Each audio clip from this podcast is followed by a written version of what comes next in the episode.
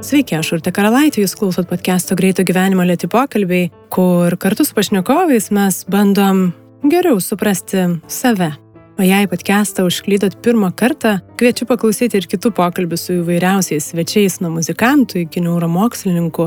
Epizodai išeina kas antrą trečiadienį, o visus juos rasit Spotify, iTunes, 15 min klausyk ir kitose programėlėse bei karalaitė.com pasvirasis brūkšnys podcastas. Šiandien kalbuosi su teatro režisierė, muzikos kurėja Kamilė Gudmanaitė. Nesitikėjau, bet iš tiesų ruoštis pokalbiui su ją buvo tikrai sunku, nes Kamilė daug kur kalbinta, o kiekvienas pokalbis iš karto neria gilyn ir visi be galo įdomus. Nuo litiškumo ir savęs kaip moterų supratimo iki savo baimių pažinimo, savygydų ir nuteistųjų marginalizavimo. Atrodė viskas jau nebėra net apie ką kalbėti. Bet iš kitos pusės tai ir guodžia, nes iškart supratau, kad Kamilės apmąstymam pabaigos nėra. Ir ten visuomet bus galima atrasti kažką truputėlį naujo. O kad galime kartu tyrinėti nesibaigiančias savo ir visuomenės plotmes, turim dėkoti vis augančiam podcast'o remėjų būriui. Šį kartą prie podcast'o Patreon draugų prisijungia klausytojai Rūta Mikalauskenė, Ernestas Čiajauskas ir Joana Kairienė. Jūsų prisidėjimas podcast'ui iš tiesų labai svarbus, nes pokalbiai, sunku to patikėti, bet e, jau du metus reguliariai ir visiškai nemokamai pasiekia jūs, o jiems pagimdyti reikia visai daug laiko pasiruošimo ir pastangų. Šalia to vyksta ir daug nematomo darbo, tai montavimai, tekstų rašymai, komunikacija, partnerių paieška ir taip toliau. Kai 2018 Liepos pradžioje mūsų ausis pasiekė pirmas pokalbis, aš net neįsivaizdavau, kas iš to bus. Nebuvo jokio plano ar vizijos. O dabar štai, visi kartu užkūrėm tai, ką turime podcast'e, visą krūvą tikrai be galo įdomių man pačiai pokalbių ir panašu, kad neždam sustoti. Jei klausot, patinka ir norit prisidėti prie dar daugybės metų pokalbių, gimtadienio dovanėlę galite teikti kas mėnesinė suma patreon.com pasvirasis brūkšnys lėti pokalbiai.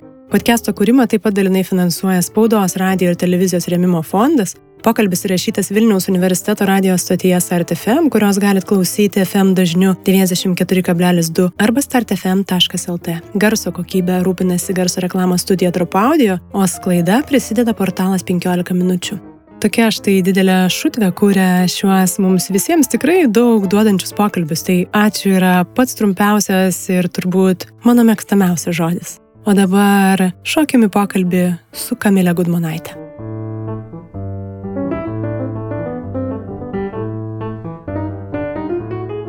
Kadangi mes jau prieš pat pokalbį kalbėjom ir tą temą irgi norisi paliesti apie tą nieko naujo neradimą kartais, nes tu ir um, apie savo spektaklius vienam interviu sakai, kad nieko naujo tu mm. juose nepapasakosi. Tai man įdomu, ar nebaisu tai, kad va, iš tiesų gal mes nieko naujo nelabai galim ir sukurti jau šitam pasaulyje ir kas tada motivuoja visgi va, tų savo idėjų, kurios gal nėra visai naujos, siekti. Man iškart įdomu, kad tu akcentuoji, kad tai yra baisu. Vat įdomu, kad tau tokia asociacija kyla, kad tai yra baisu, kad vat, nieko naujo. Bet man atrodo, kad tai yra tiesiog išlaisvinantis suvokimas, būtent, vat, meninkai išlaisvinantis suvokimas, nes kai tu pereini į tą jau stadiją, kai tu nebenori sukurti naujai kažko arba kažko stebinti, tai man atrodo, tada prasideda iš tikrųjų kūryba, kai tu pasižiūri į save ir tavo motivacija kurti niekada nėra e, grįsta to kažkokiu bandymu sukurti naujus dalykus. Man atrodo, kad čia iš vis yra jaunystės gal dalykas tokio, pat kai tik tai vat, svajoji tapti kažkuo, nori kažką keisti, nori įsivaizduoji, kad gali padaryti kažkokių dalykų ten teatre ar kažkokiai sferoj. Aš atsimenu paauglystį ar ten vaikystį net įsivaizduodavau, kad aš kažką čia pasaulį keičiu ir taip toliau, turėdavau tokių kažkokių žaidimų. Bet man atrodo, kad tai jau priskiriama, aš priskirčiau tai tokiam jaunatiškam idealizmui ir labai gerai, kad tu nieko naujo negali pasakyti. Ta prasme, labai gerai, kad tu savo akcentą kūrybinį jau pradedi dėti nebe į tą kažkokį tai naujumo aspektą. Ir man atrodo, svarbiausia yra šiandien kaip, turbūt, kaip tu žiūri į tuos pačius klausimus. Ir, ir aš gyvenime suvokiu, kad yra dvi tokios realybės egzistuojančios, dvi, du tokie egzistencijos lygmenys. Vienas yra toksai konvencionalus lygmuo, tai yra vat, visi mūsų tie nauja, nenauja, visokie tai dalykai, santykiai, tenai kažkokie tai traumos, patirtis gyvenime ir yra kažkoks nekonvencionalus ligmuo, kuriame viskas yra kažkaip nebesvarbu. Iš esmės visi šitie forminiai, formalūs tokie dalykai, jie yra nebesvarbus, čia tokia kažkokia kita realybė. Tai man kartais va tam konvencionaliam pasaulyje, tai taip, galima sukurti naujų dalykų, bet nekonvencionaliam tai iš viso neturi jokios prasmės. Nėra prasmės, ar tu kuri naują ar seną, svarbu, kad tu kažką kuri, svarbu, kad tu žiūri į save ir į kitą ir kiekvieną kartą vis iš naujo ir iš naujo pamatai tą patį kitą, bet tai yra labai sunku, nu, mes kiekvieną kartą vis iš naujo turim pamatyti tą patį. Bet visgi renkiesi kažkokias temas, klausimus, ką tyrinėti ir savo spektakliuose, turbūt kažkokią prasme vienur matai didesnė negu kitur, net jeigu ir dabar sakai, kad viskas mhm. tarsi praranda reikšmę ir prasme ir kad tai išlaisvina iš vienos pusės nuo kažkokio ir spaudimo savo, galbūt tam tikrą prasme, kaip visgi renkiesi tada, kas tave tada motivuoja, jeigu ne tas naujumas kažkokio mhm. tai produkto ar temos. Man svarbiausia yra, kokie yra mūsų santykiai tarp žmonių ir žmogus man yra svarbiausias ir, ir įdomiausias fenomenas. Todėl jeigu aš pastebiu neteisybę arba kažkur pastebiu praleistą žmogiškumo kažkokį aspektą arba nepastebėjimą, kad kažkas lygiai toks pat yra kaip tu žmogus arba, arba kažkokiu tokiu įtrukiu visuomenėje, ką mes bandom užgneušti. Aš į tai pradedu kreipti dėmesį, nes man pačiai įdomu žvelgiant į savo asmenybę visi tie dalykai, kurie visada buvo gniaužiami ir aš tik tai paskutiniaisiais savo gyvenimo metais pradedu atrasti tam tikrų tamsiųjų tokių kažkokių aspektų savo asmenybės, kuriuos iškėlus arba išeksponavus yra tiesiog nu, visiškai nuostabu. Tiesiog nerealu gyventi yra, kai tu priimi ir eksponuoji tą savo kažkokią tai dalį, kurią tu čia bandai visą savo gyvenimą užgneušti ir rodyti, kad nėra tos dalies. Tai lygiai taip pat aš žiūriu ir į visuomenę. Iš esmės man visuomenė ir žmogus yra tapatus tiesiog dalykai mikro, makro lygmenių ir jeigu visuomenė bando kažką engti, man nori tiesiog pasakyti, iškelti į paviršių ir parodyti štai, ką mes engiame. Ir pažiūrėkim, ar tai verta engti, ar tai verta slėpti. Ar gal kaip tik mes galėtumėm sveiką visuomenę turėti, jeigu mes kažkokius iškeltumėm klausimus. Ir tai nėra kažkaip nauja, tai yra iš esmės labai kaip tik archetipiška, manau. Dar minitas, e, va, tamsesias visuomenės pusės, na ir savo, tai aš įsivaizduoju su laiku, taip pradedi atradinėti ir tam tikrą prasme susidraugauti tenka, nes kitaip spaudžia, slegia ir išsireiškia visokiais blogumais tikriausiai tai. Tai man čia įdomu, gal kaip tu pajauti, kad kažką nuo savęs slėpi, ar kažkaip mhm. meluoji savo, ar kažkaip bandai pasakyti, kad gal tai nėra taip, kaip iš tiesų yra, ar blogai. Ar... Va čia labai geras klausimas, aš kaip tik vakar šitą klausimą uždavinėjau, nes buvau atėjusi iki tokio taško.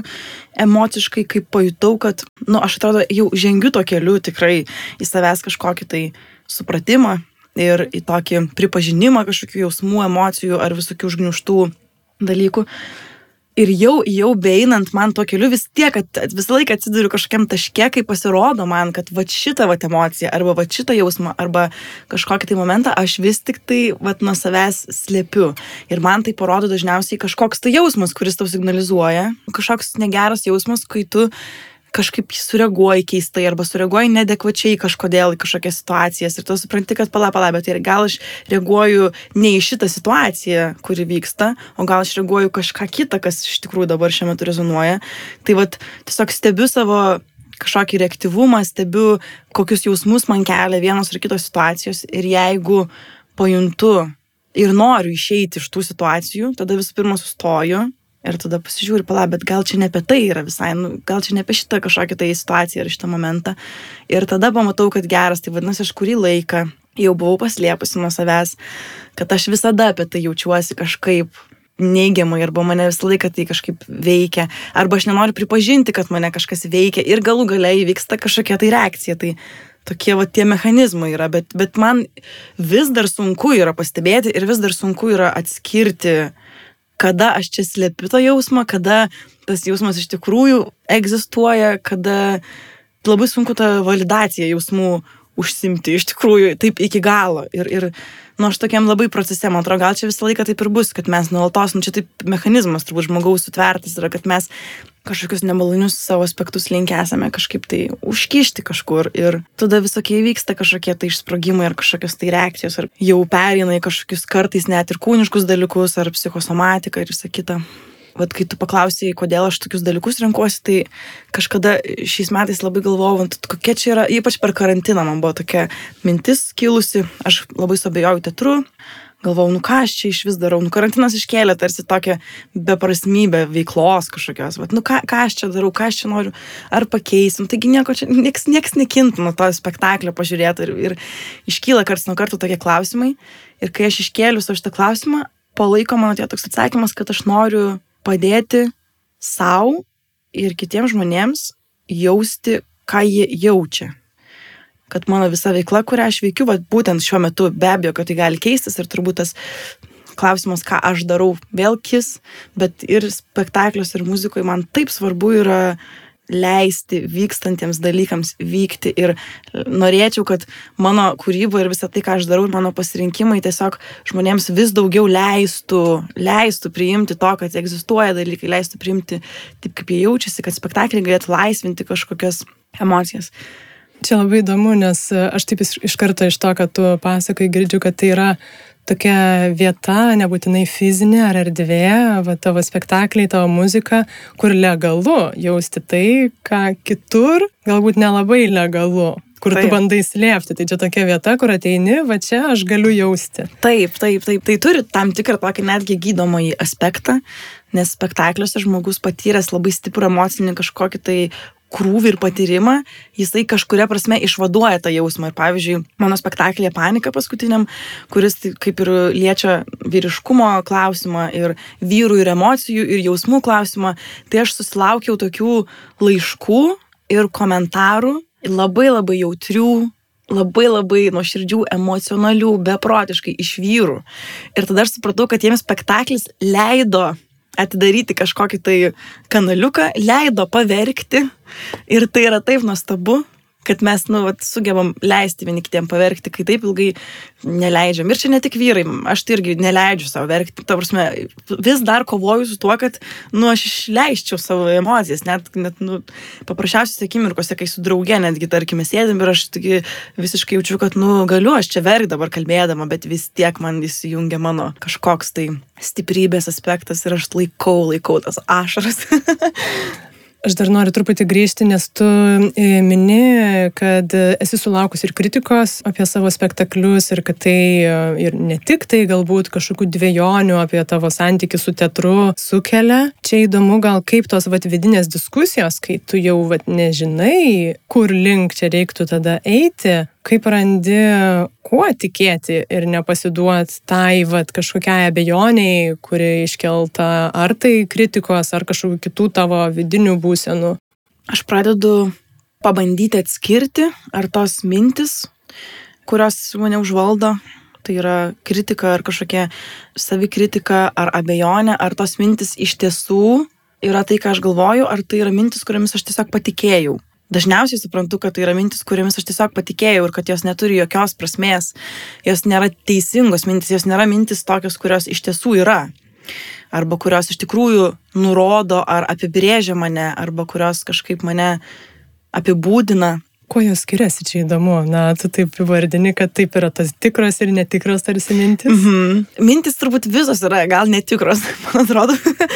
visos mintis yra netikros, visos abejonės yra proto kažkokia konstrukcija, kurią mes e, konstruojam, bet gal aš atskirčiau vat, tą tikrą mintį, tai ne mintis galbūt čia gal žodžio, žo, ne tas žodis pasakytas, o vat kažkoks tas gut feeling, kur angliškai yra posakis, kažkoks tavo esmės momentas, ir kaip tu savo kūnu ir, ir vidumi kažką jauti ir tą, ką protas tau sako. Man dažnai labai būna, kaip ir visiems, labai labai didelė kova tarp šitų dviejų polių ir aš dažniausiai patikiu protų, tiesiog galų galę aš patikiu tuo, ką man sako mano klaidžiantis, nuolatos neramus protas ir tada manau, kad tos mintis esu aš.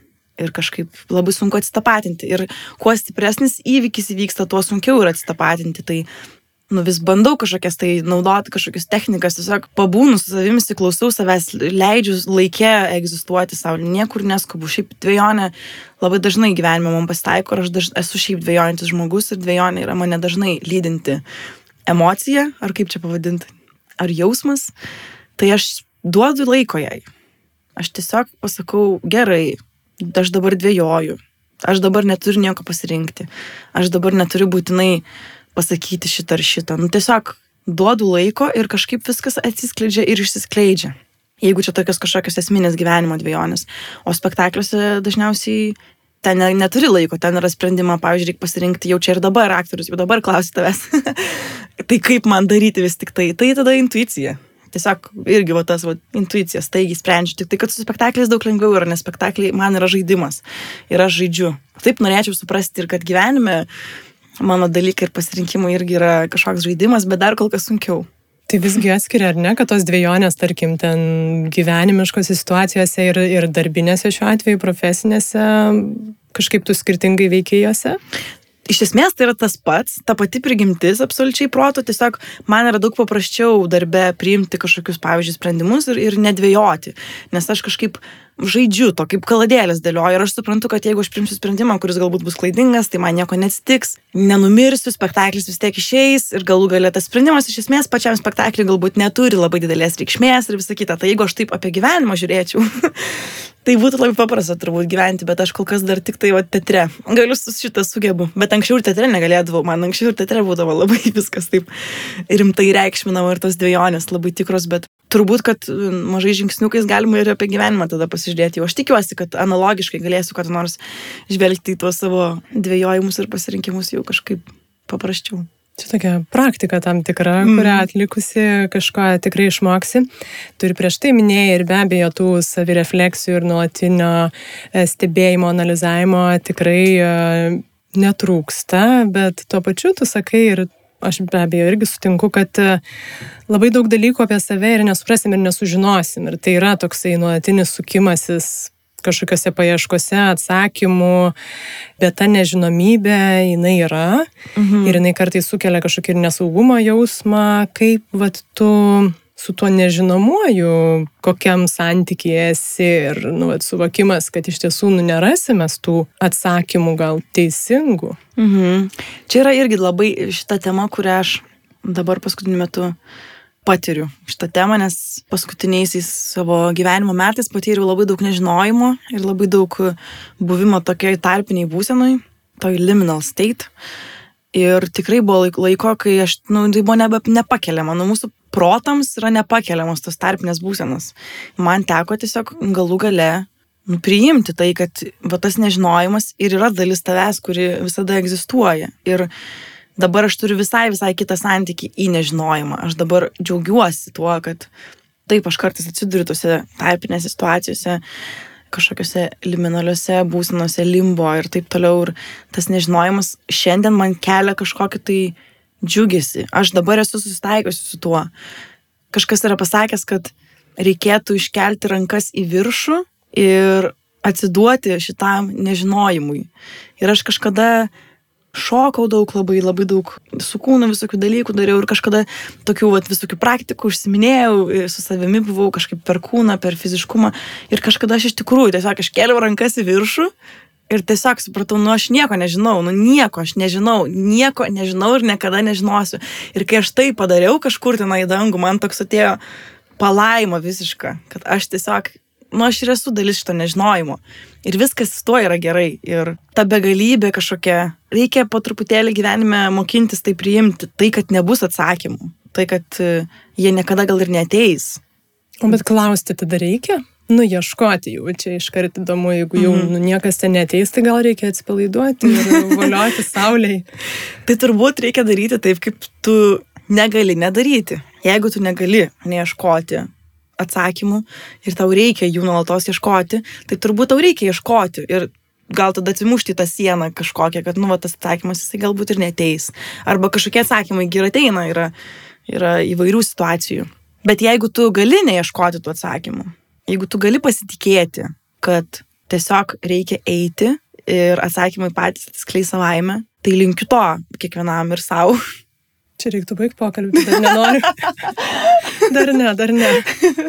Atsukim atgal. Ir jūsų daina viena yra apie nežinojimą, ar ne? Nieko Mhm. apie save nežinau. Mhm. Tai man šitą labai re- rezonuoja kažkaip. Tai va toks pasikartojimas tikrai labai įdomus. Ta reikia įžodinti kartais. Mhm. Tada vat, labai suprantu, kam reikalinga literatūra, menas, muzika, kad mhm. kažkaip įdėtų labai aiškius e, žodžius ar formas ir tau pastatytų priešais, nes tu į save kartais negali atsisukti.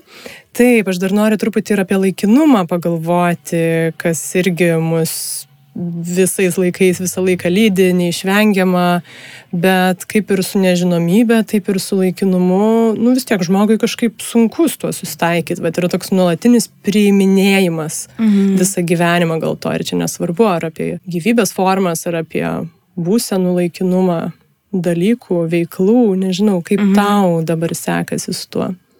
Nu, aš esu procese. Tikrai negaliu pasakyti, kad jau priimu. Vienus dalykus, kurie praėjo, aš jau priimu. Su kitais dalykais, kurie praėjo, iki šiol negaliu susitaikyti.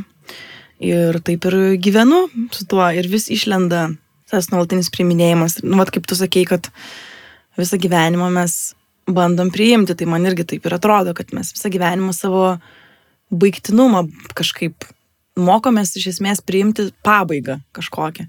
Dabar aš savo gyvenime tai mastau apie tokius kažkokius tai smulkesnius pasibaigimus. Bet pavyzdžiui, laikui bėgant pasidarys labai įdomus tas jau visiško išėjimo klausimas ir tada tas susitikimas su tuo išėjimu turėtų būti nuvelniškai įdomus. Iš tikrųjų, aš visai laukiu to laiko, kai pradės jau ir mano amžius bus gal tas ir, ir jau dabar aš tarsi apie tai pradedu mąstyti, bet kokių procesų dar reikia išgyventi žmogui, kuris žino, kad pavyzdžiui jisai jau mirs iš tiesų fiziškai, ne tai, kad išeis mylimasis, pakeisi darbą, išsikraustysi į kitą miestą, nors ir tai labai žmonėms būna sunku priimti ir, ir tas gedėjimo laikotarpis gali būti visoks, labai ilgas ir sudėtingas, bet nu, vat, kaip susitaikyti su to kažkokiu esminiu išėjimu, tai turbūt, kad čia viso, viso mūsų gyvenimo amžina kažkokia pamoka, kuri laukia dar mūsų.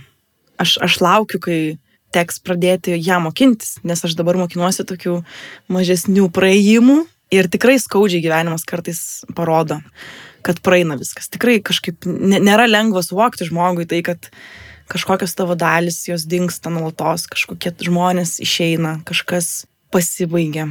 Šitą temą man labai, labai įdomi iš tikrųjų. Gedėjimas yra kas iš esmės. Gedėjimas yra laikotarpis, kai tu susitaikai su laikinumu turbūt, nes gedėjimo prigimtis yra ta, kad tarsi iš tavęs yra kažkas nuplėšiama, kažkokia tavo dalis kaip žmogus, kaip kūnas ir iš tavęs išplėšia gabalą kažkokį mėsos ir tu kurį laiką dar esi tame gedėjime, nes ten yra tas kilė, nu, va, tas toksai laikinumas kažkoks, tas neturėjimas. Ar nemanai, kad tai e, tam tikra prasme galbūt e, yra šiek tiek ir savanaudiška, nes iš mūsų kažką atima ir norim tai turėti, nesvarbu, ar tai e, kažkoks išėjęs kitur gyvenimą tęsti žmogus ar, ar veiklos, kad tai yra tam tikras prisirišimas ir toks norėjimas turėti.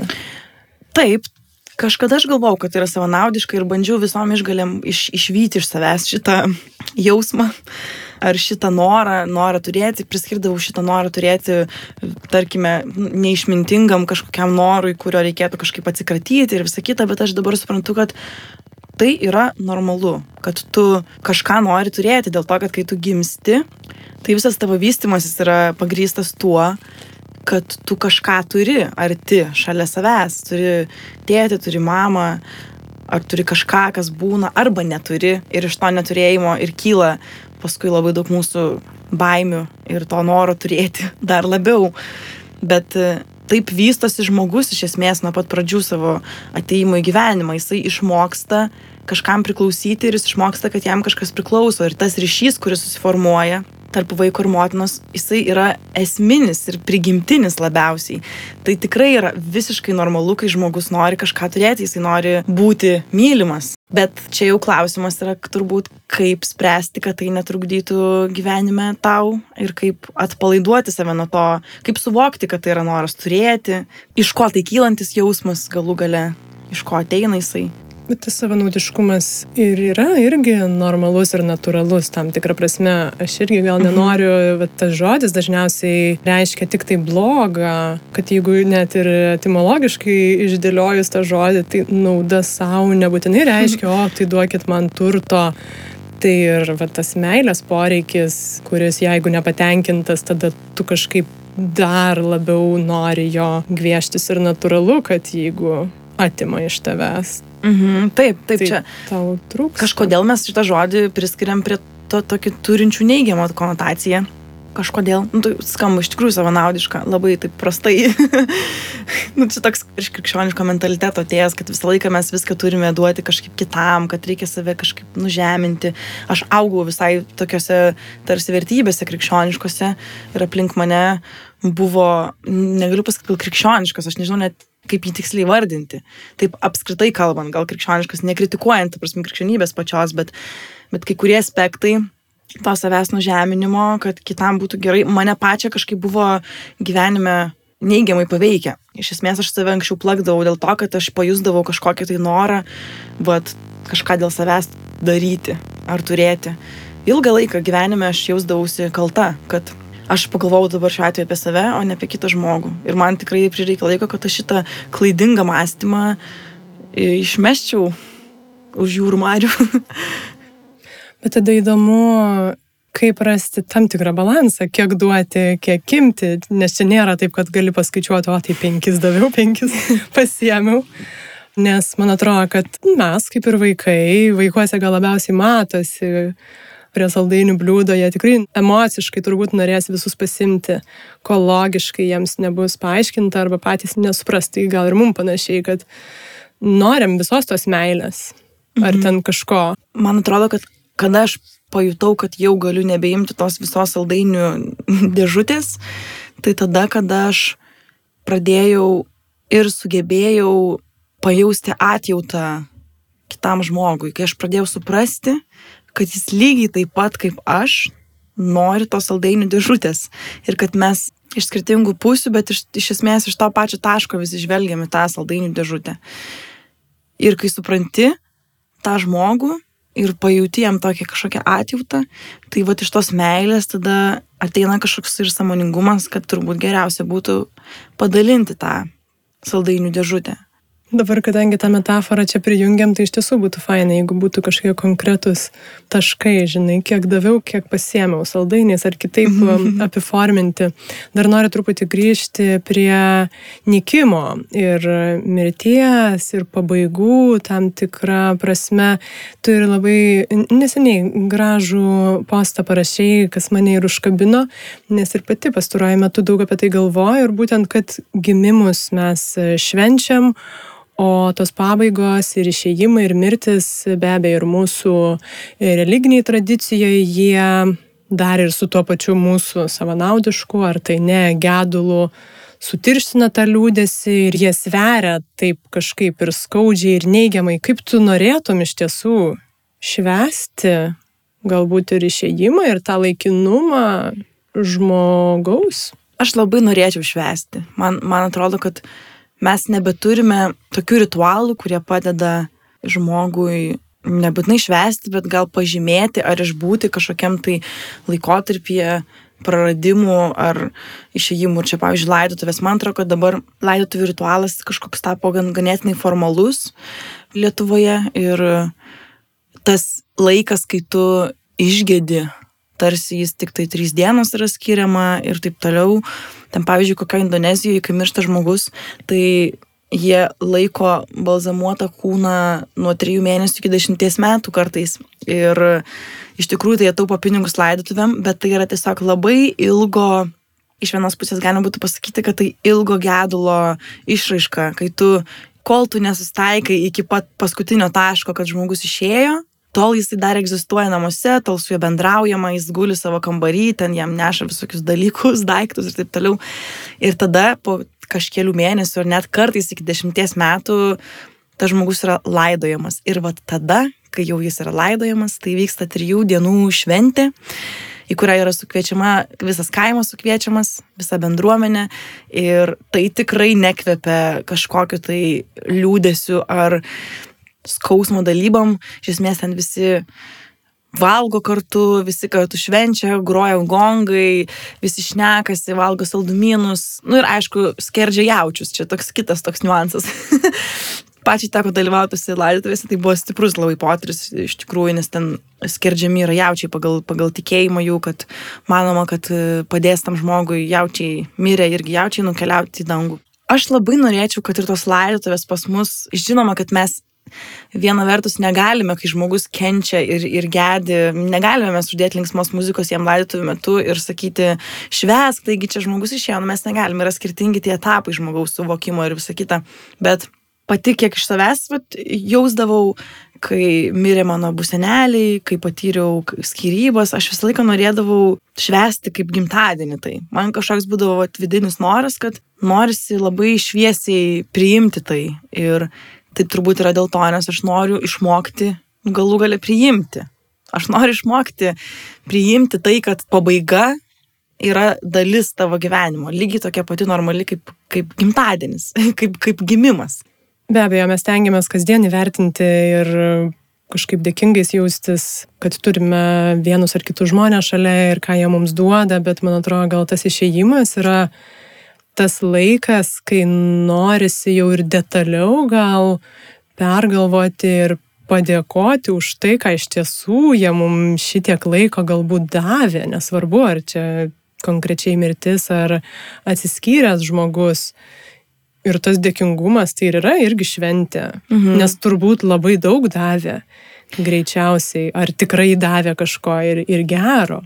Taip, ir, ir be abejo, kad būtent tos netektis arba būtent tie išėjimai ir praėjimai arba tos pabaigos, jos iš tikrųjų tai labiausiai žmogaus vystimusi ir duoda. Ir kas mus iš esmės labiausiai tai keičia, tai būtent tos skaudžios patirtis, kurios yra žiauri dovana. Iš esmės tai yra žiauri dovana, nes e, tik tai tose plyšiuose, kurie atsiranda, šviesa gali skverbtis, nes jeigu nebūtų plyšio, tai nebūtų kaip tai šviesai kažkaip išeiti man taip pat atrodo, kad irgi yra normalu iš karto nejausti dėkingumo ir iš karto nejausti ir nepykti ant savęs, kad e, aš nesuprantu, kad aš esu dėkingas arba jaučiu skausmą, nes mes labai dažnai praleidžiam šitą etapą, kai kažkas pat praeina, mes iš karto kažkaip va, tos, iš tokios išmintingos perspektyvos žvelgiam į save ir sakom, kad taigi man reikėtų paleisti ir man reikėtų džiaugtis ir man reikėtų būti dėkingam, nes dabar aš nesu tas, kas būčiau ir taip toliau. Bet tam momente, nu, tu nesi tiesiog, nesi šitam taške.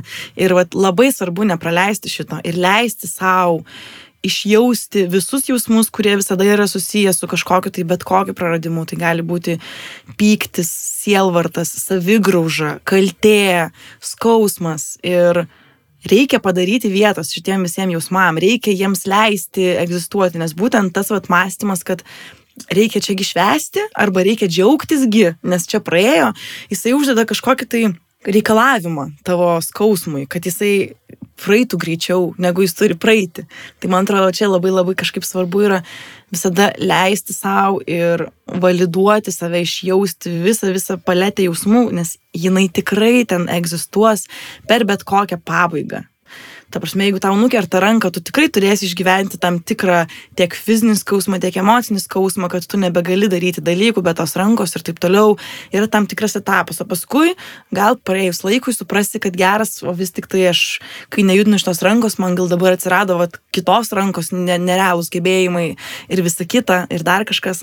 Kai aš pati buvau tokiam procese, gana sudėtingam, vat būtent gedėjimo procese, aš pradėjau domėtis, man buvo vis laik kilęs klausimas, nu tai kada mes galim pasakyti, kad nu vat gedėjimas jau pasibaigė? Kada mes galim pasakyti, kad nu vat praėjo man jau tas laikas ir jis praėjo, nes man vis laik atrodydavo, kad nu viskas grįžta, tarsi aš pamatau, kad praeina ir tada vėl grįžta, tada vėl praeina ir vėl grįžta ir tada supratau, kad viskas ratais vyksta, jis yra tas gedėjimas nelinijinis, o jis toks ratu egzistuojantis dalykas. Ir vienoje knygoje perskaičiau, kad gedėjimas ir susitaikymas baigėsi tada, kai tu iš tikrųjų visa, visa, visa širdimi, visų protų ir visa savo sąmonė supranti viso to, kas buvo prasme. Ir man šitas įdomus dalykas pasirodė, nes protų mes labai dažnai suvokiam, bet atrodo, taip, bet šitas žmogus man davė tai ir tai ir tai ir tai. Bet jeigu tai iš tikrųjų nesusijungia su tavo kažkokiu tikru tokiu mąstymu vidiniu, tok, nesusijungia su ta savo esme, su tuo gut feeling, arba kaip čia pavadinti tą kažkokią tavo, su tavo sąmonę gal, tol tas gedėjimas vyks amžinai ir reikia laiko, turbūt, kad galų galia tikrai tikrai pajustum tą užbaigimą ryšio, atsisveikinimą. Ir man va įdomu, ar tai yra pakankama sąlyga suvokti vis tik tai kokią dalį tavo gyvenime užėmė vienas ar kitas dalykas, žmogus ar kažkoks tai gyvenimo etapas. Pažiūrėsim, aš dar irgi nežinau, bet va, tiesiog įdomi tokia mintis norėjau pasidalinti, nes man pačiai pasirodė kažkoks tarsi va, atsakymas, bet dar aš nežinau visai, ar jisai dar yra apčiopiamas, nes gal pati iki galo nepatyriau to. Dar tu paminėjai ir įvairiausias emocijas, tas sunkesnės ir, ir pykti. Esi minėjusi, kad būtent pykčio savo neleidai jausti anksčiau, kad tai tarsi nėra gera emocija ir kad ją reikėtų užgniaužti. Tai gal čia įdomu, koks tavo dabar su tuo santykis ir vat, tu sakai, kad nuvalidavimas ar ką tu su juo darai? Aš jį stebiu. Aišku, ne visada yra lengva stebėti, kai tau čia ir dabar kyla kažkokia tai stipri emocija, bet aš vis dažniau bandau tiesiog stebėti. Tai reiškia, kad aš, kai vyksta kokia nors situacija, kai man kyla stipri emocija kažkokia, nu, pavyzdžiui, vat, konkrečiai pyktis, aš stengiuosi visų pirma tai nesielgti tą duotąją sekundę inertiškai, kaip norėtųsi pirmą išelgtis, o tiesiog šiek tiek susistabdau save ir vietoj to, kad leisčiau kitam žmogui patirti, kas yra mano pykčio emocija, aš stebiu fizinius pojūčius kūne. Tiesiog stebiu, pavyzdžiui, atkreipiu dėmesį, kur tas pyktis jisai dabar išsireiškia, ar jisai sklinda kažkur į kažkokias kūno dalis, kaip jisai veikia mane ir taip toliau. Tai vad, kai aš sugebu tai stebėti, tada atsiranda labai labai sveikas santykis su pykčiu, nes aš jo neeliminuoju, aš jam leidžiu egzistuoti, aš visiškai nenu, nenuneigiu, kad pyktis tai ir aš netgi savo įvardinu viduje, taip, aš šiuo metu pykstu taip, aš šiuo metu tikrai pykstu ir tada aš stebiu, vat, dažniausiai tai būna kažkur ties skrandžių kažkoks e, fizinis, fiziologiškai išreikštas kažkoks tai gumulas, kuris kartais klinda, kartais kažkokia įtampa atsiranda kūne. Aš tiesiog leidžiu tam pykčiui tenai būti ir stengiuosi neselgti inertiškai iš tos emocijos. Ne visada tikrai pavyksta, bet yra buvę keletas tokių akimirkų ir momentų, kai itin sudėtingose gyvenimo situacijose aš tiesiog pasakiau vienam žmogui, dabar tu truputėlį tiesiog palauk, nekreip dėmesio, tiesiog pabūk. Ir aš tiesiog sėdėjau ir visiškai išgyvenau va, tą emociją, aš tiesiog visiškai ją ištvėriau, patyriau, praėjo visos stadijos, jis buvo labai ilgas, nežinau, kad tas žmogus galvoja tuo metu šalia sėdėdamas, bet aš bent jau nenukreipiau to pykčio tam žmogui, kuris buvo priežastis, sakykime, Ir tada tas pyktis jisai praėjo, aš jo nebejausdavau niekada toliau gyvenime, nes vat, buvo ta akimirka, kai aš šalia to žmogaus tiesiog jį išgyvenau. O tos emocijos, kurias aš, arba pyktis, kurį aš iš savo kažkokios teisingos tokios savimonės užgneužiu ir sakau, ne, baigtų, taigi čia tikrai nieko, nors nu, tikrai dažnai tai pasakau. Kažkas atsitinka, į ką aš turėčiau sureaguoti adekvačiai, bet aš dažniausiai, ne, tikrai čiagi nieko tokio, nieko tokio. Ir tada aš kažkur jį taip sugrūdu, nu kažkur tiesiog įkišu, kažkur taip su grūstuvėliu, tokiu kažkur į vidų. Ir tada man jisai išsitėsi. Tiesiog per laiką jis išsitėsi, aš tiesiog tada pusę metų vis jaučiu ir jaučiu kažkokį tai vad pykčio atmainą. Kažkoks jisai tampa ilgas, kažkoks užgneuštas. Čia vėlgi yra tik procesas ir tikrai nesakau, kad aš emocijas savo labai nuostabiai valdau, bet tiesiog galiu pasidalinti tam tikrais momentais, kurie man padėjo suvokti, kad e, labai gerai yra leisti savo jausti. Bet tuo pat metu kyla ir daug turbūt neigiamų minčių, kurios kartu su emocija turbūt neišvengiamai malasi galvoje ir nors pradžioje mes kalbėjom, kad tarsi tos mintis visos yra konstruktai, bet jos tave nori kažkur temti ir jų labai daug.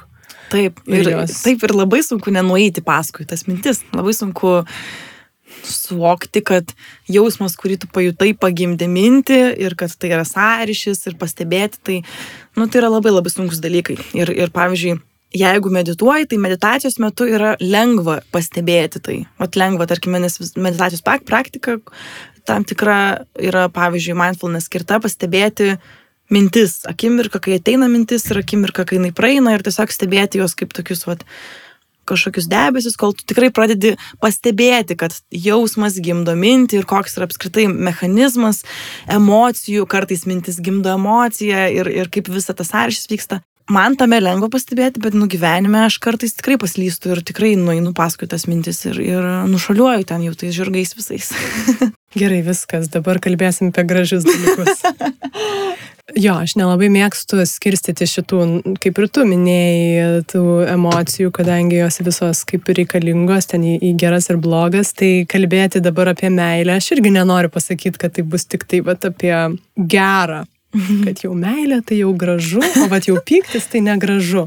Bet man užkliuvo akis, tik tai aš nepasižymėjau ir nežinau e, tavo Facebook'o feedą apie kažkokį kūrinį kalbėdama, tu parašiai, o ne ir vėl apie meilę. Sarkastiškai, mhm. tai aš čia tiesiog visiškai prikimbu, nes be abejo, kad meilė yra viena tų kelių temų, kurios visais amžiais visų kuriejų buvo įkinkytos ir kažkaip plėtojamos čia gal įdomu ir plačiai pagalvoti, ką ten žmogus bando išsiaiškinti, vis kalbėdamas apie tai ir ką galbūt e, tau pavyksta atrasti, kuriant tose temose.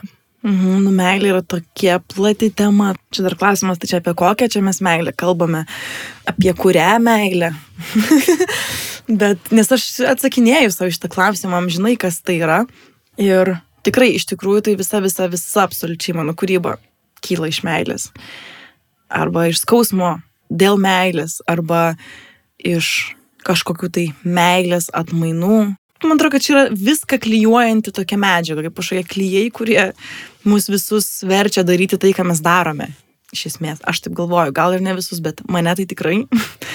ir kiekviename ten spektaklyje ar dainoje yra iš tikrųjų dalis mano kažkokios meilės. Tai labai jinai gali būti, aišku, skirtinga, tai nebūtinai apie meilę žmogui gali būti apie meilę kažkam, apie nemailę kažkam, apie meilės paiešką.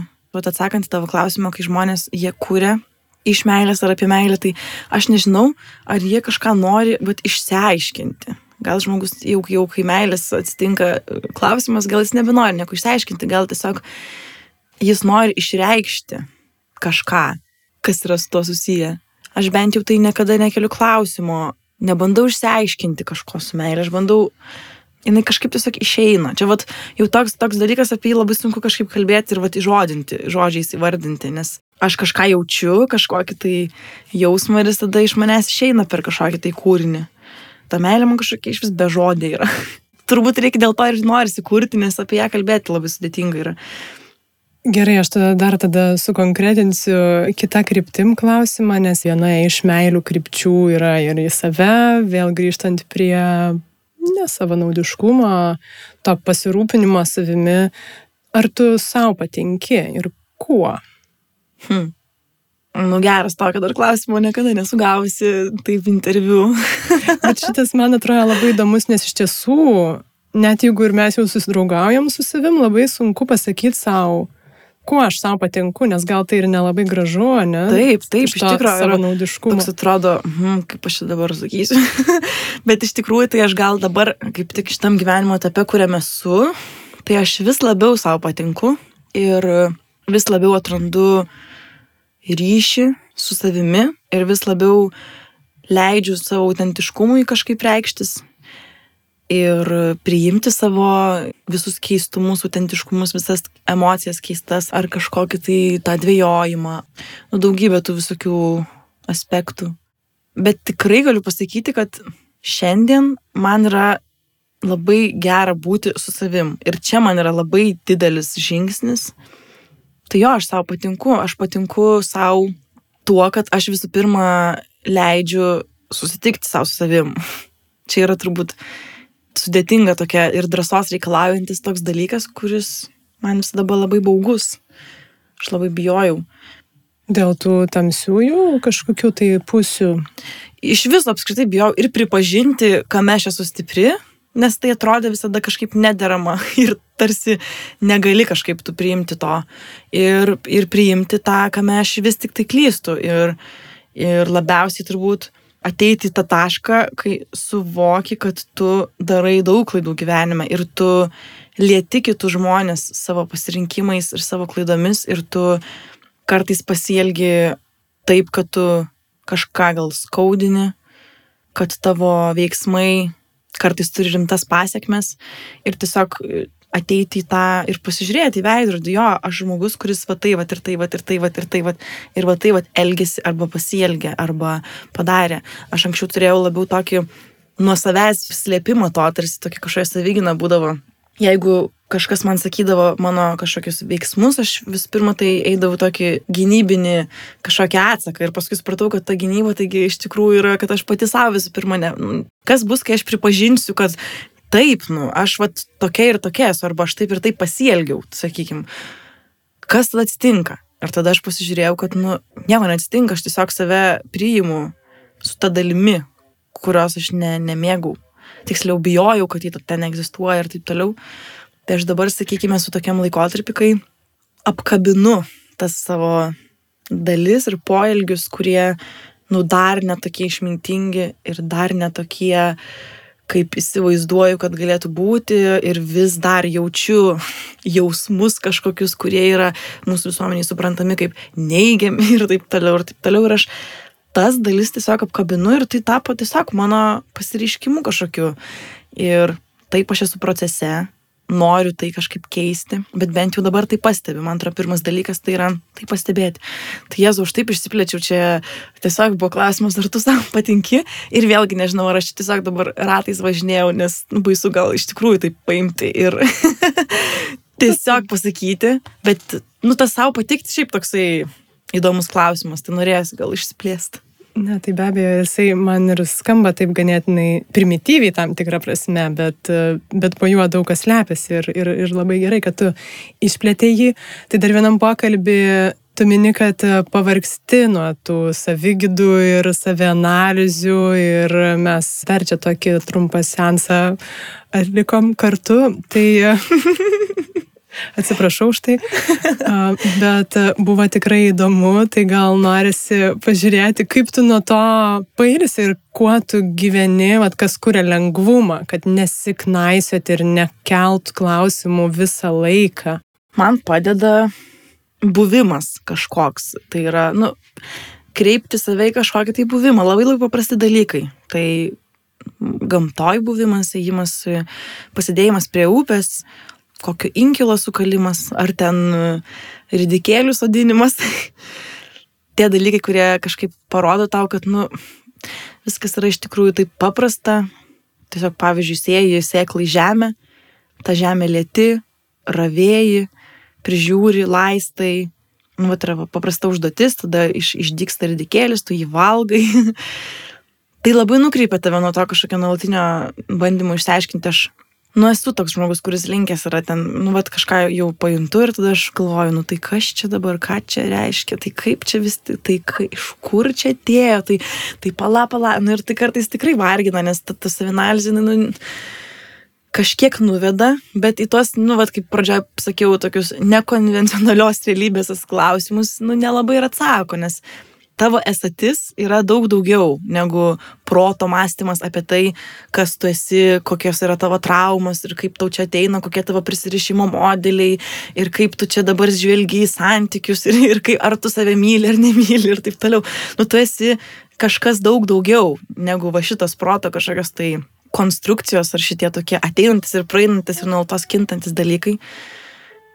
Ir tas kažkas daugiau yra taip uh, paprasta, Tai va tie dalykai, va tokie labai paprasti, jie ir padeda nu, pabėgti nuo to nuolatinio aiškinimuose apie save.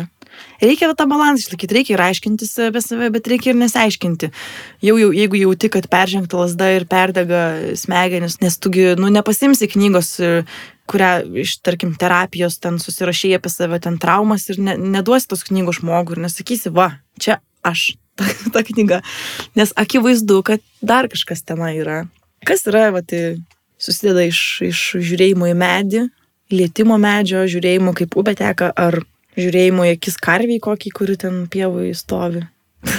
Bet tas buvimas labai įdomu, nes man atrodo, vakar ar už vakar aš e, taip konkrečiai irgi savo įsivardinau kažkokioje frustracijoje, kad čia va, turiu kažką daryti, kad iš tiesų tai gal neturiu, kad, kad būti yra jau daug bet sunku yra žmogui tiesiog būti ir ypač gal šiandien. Mhm, labai sunku.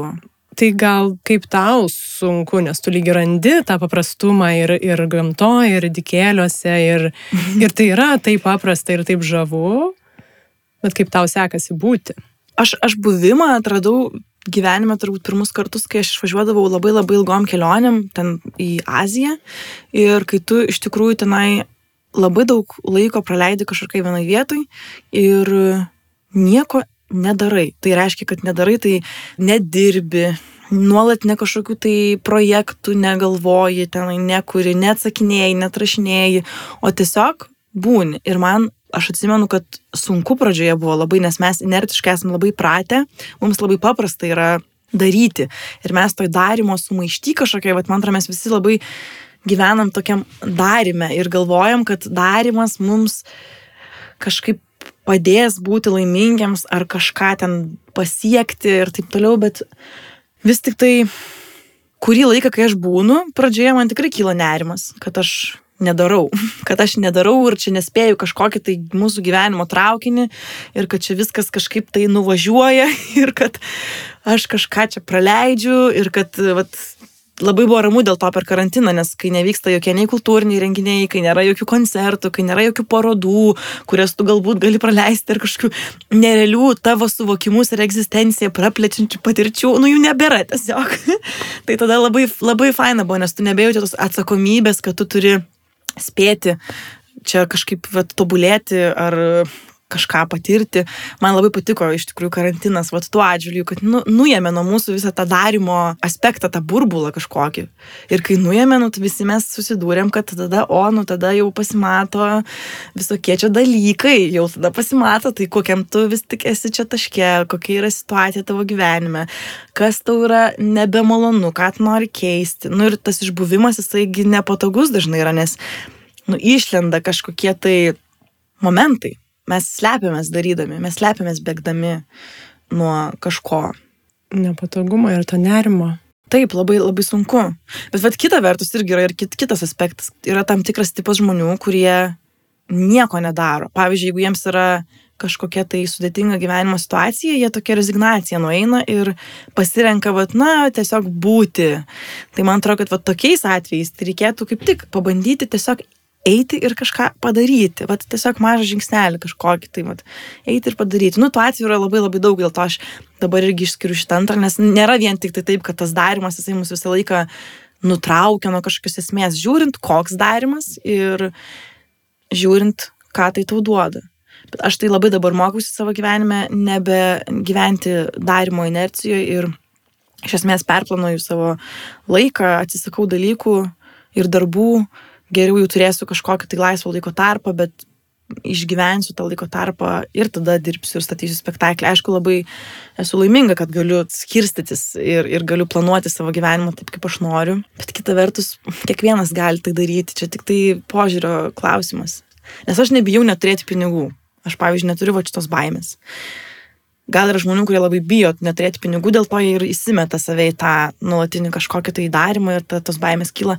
Aš kažkaip, pat, aš jų neturiu, nes aš gal esu išmokusi, kad nu, viskas vis tiek ateina, kai tau to reikia ir viskas e, pasirodo, kai iš tiesų tau reikia ir su pinigais man visą gyvenimą tai būdavo, kai aš keliaudavau visiškai be pinigų paauglystai, visada tuo metu, kai jausdavausi alkanas, atsirasdavo vairuotojas, kuris tau duodavo pomidorą arba nueidavo į gatvę, kažką pagrodavo ir ateidavo tie pinigai ir aš suprantu, kad jie, nu, jie ateina ir išeina ir kažkaip tu vis tiek išgyveni. Tai aš vat neturiu tos baimės.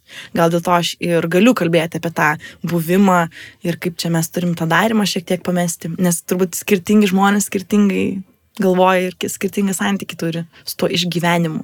Bet tai irgi ateina su daug lengvumo ir to paprastumo. Tai ačiū, Kamilė. Manau, kad uh, neturiu tau net daug ką palinkėti, bet turi dikėlių ir paprastumą nepamesti ir sėklų ir žemės. Aha, labai norėčiau niekada nepamesti. Vis pametu ir vėl tada žemę paliečiu ir suprantu, va, va, va, čia. Žemė neturėtų niekur dingti, tai guodžia. Dar tu kažką ketini padainuoti, ar ne? Tai aš padainuosiu tokią lietuvių liaudės dainą, kuri šiaip jau yra laidotuvių daina, bet jinai man tokia viena gražiausių lietuvių liaudės dainų. Ir kadangi mes šitiek daug kalbėjome apie tą praėjimą, išbuvimą, tai šiaipgi anksčiau būdavo, kad žmonės dainuodavo labai daug. lietuviai dainuodavo per laidotuvės, per gedėjimą ir tai jiems padėdavo ištverti. Tai va, aš padainuosiu tokią dainą, tokią ištrauką jos, nes visai jinai labai ilga.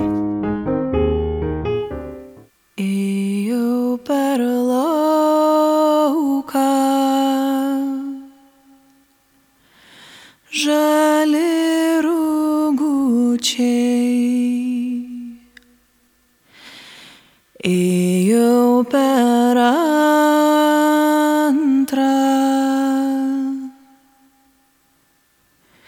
Žalia giružė, čiulba girios paukšteliai,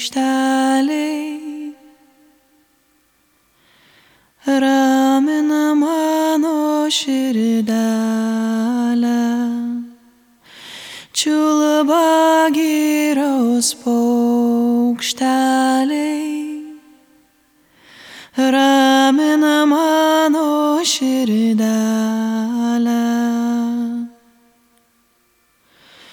Čiulba ten čiulba, girių paukšteliai, nenuraminsit mano širdelės.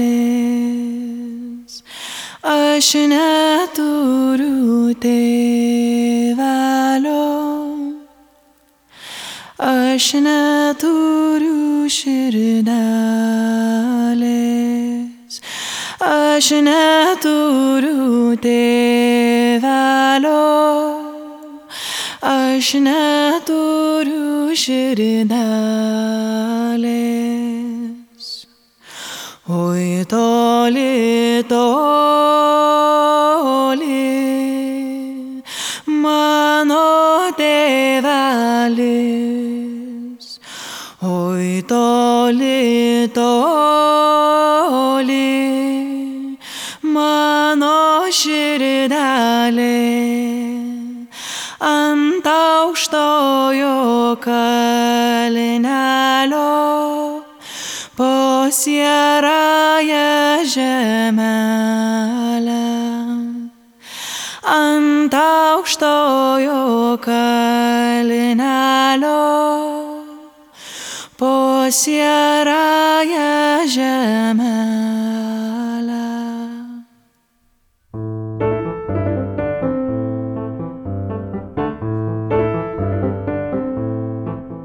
Ačiū, kad jau du metus esat kartu ir kartu stebėjot, kaip podcastas ir aš pati augam, kad buvot atlaidus ir kantrus.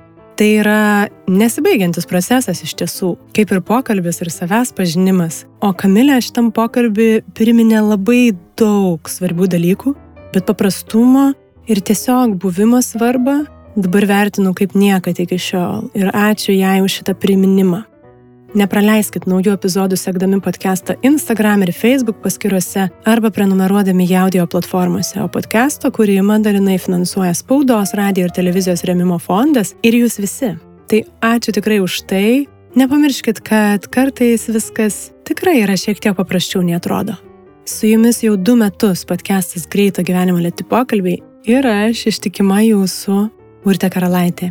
Iki kitų daugybės, daugybės kartų.